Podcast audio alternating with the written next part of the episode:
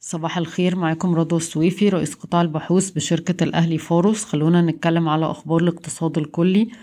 آه الجهاز المركزي للتعبئة العامة والإحصاء هيصدر بكرة بيانات التضخم لشهر ديسمبر وإحنا متوقعين إن التضخم العام في الحضر هيبقى حوالي ستة في المية على أساس سنوي آه بسبب انحسار أسعار بعض المواد الغذائية ولكن تأثير آه سنة الأساس المواتي سيبدأ في التلاشي.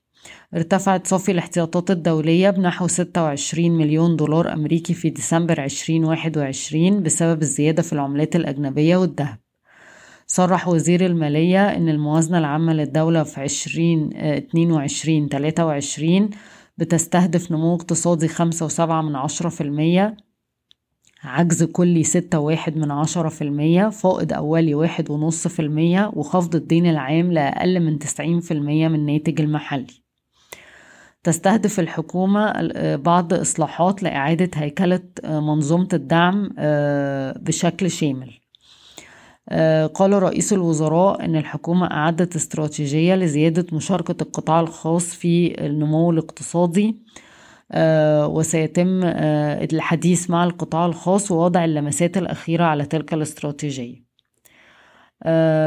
وافق مجلس النواب على مشروع قانون بتحويل نسبة من الفائض الناتج عن الصناديق الخاصة إلى خزانة الدولة وده هيزود الدخل في الموازنة العامة أو إيرادات الدولة بحوالي 2.5 ل 3 مليار جنيه في السنة.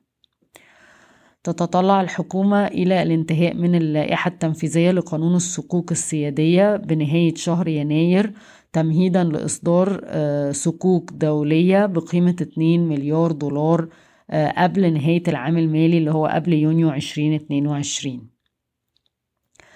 ارتفع العائد على السندات في الولايات المتحدة لأجل عشر سنوات إلى أعلى مستوى منذ يناير 2020 وده طبعا نتيجة للتوقع برفع الاحتياطي الفدرالي لأسعار الفايدة في مارس 2022 بالنسبة للفينتك سبيس ارتفع عدد محافظ الهاتف المحمول بنسبة 27% على أساس سنوي في عام 2021 لتصل إلى 25 مليون جنيه. عدد معاملات 227 مليون معاملة وقيمة المعاملات ارتفعت ب 160% ل 233 مليار جنيه.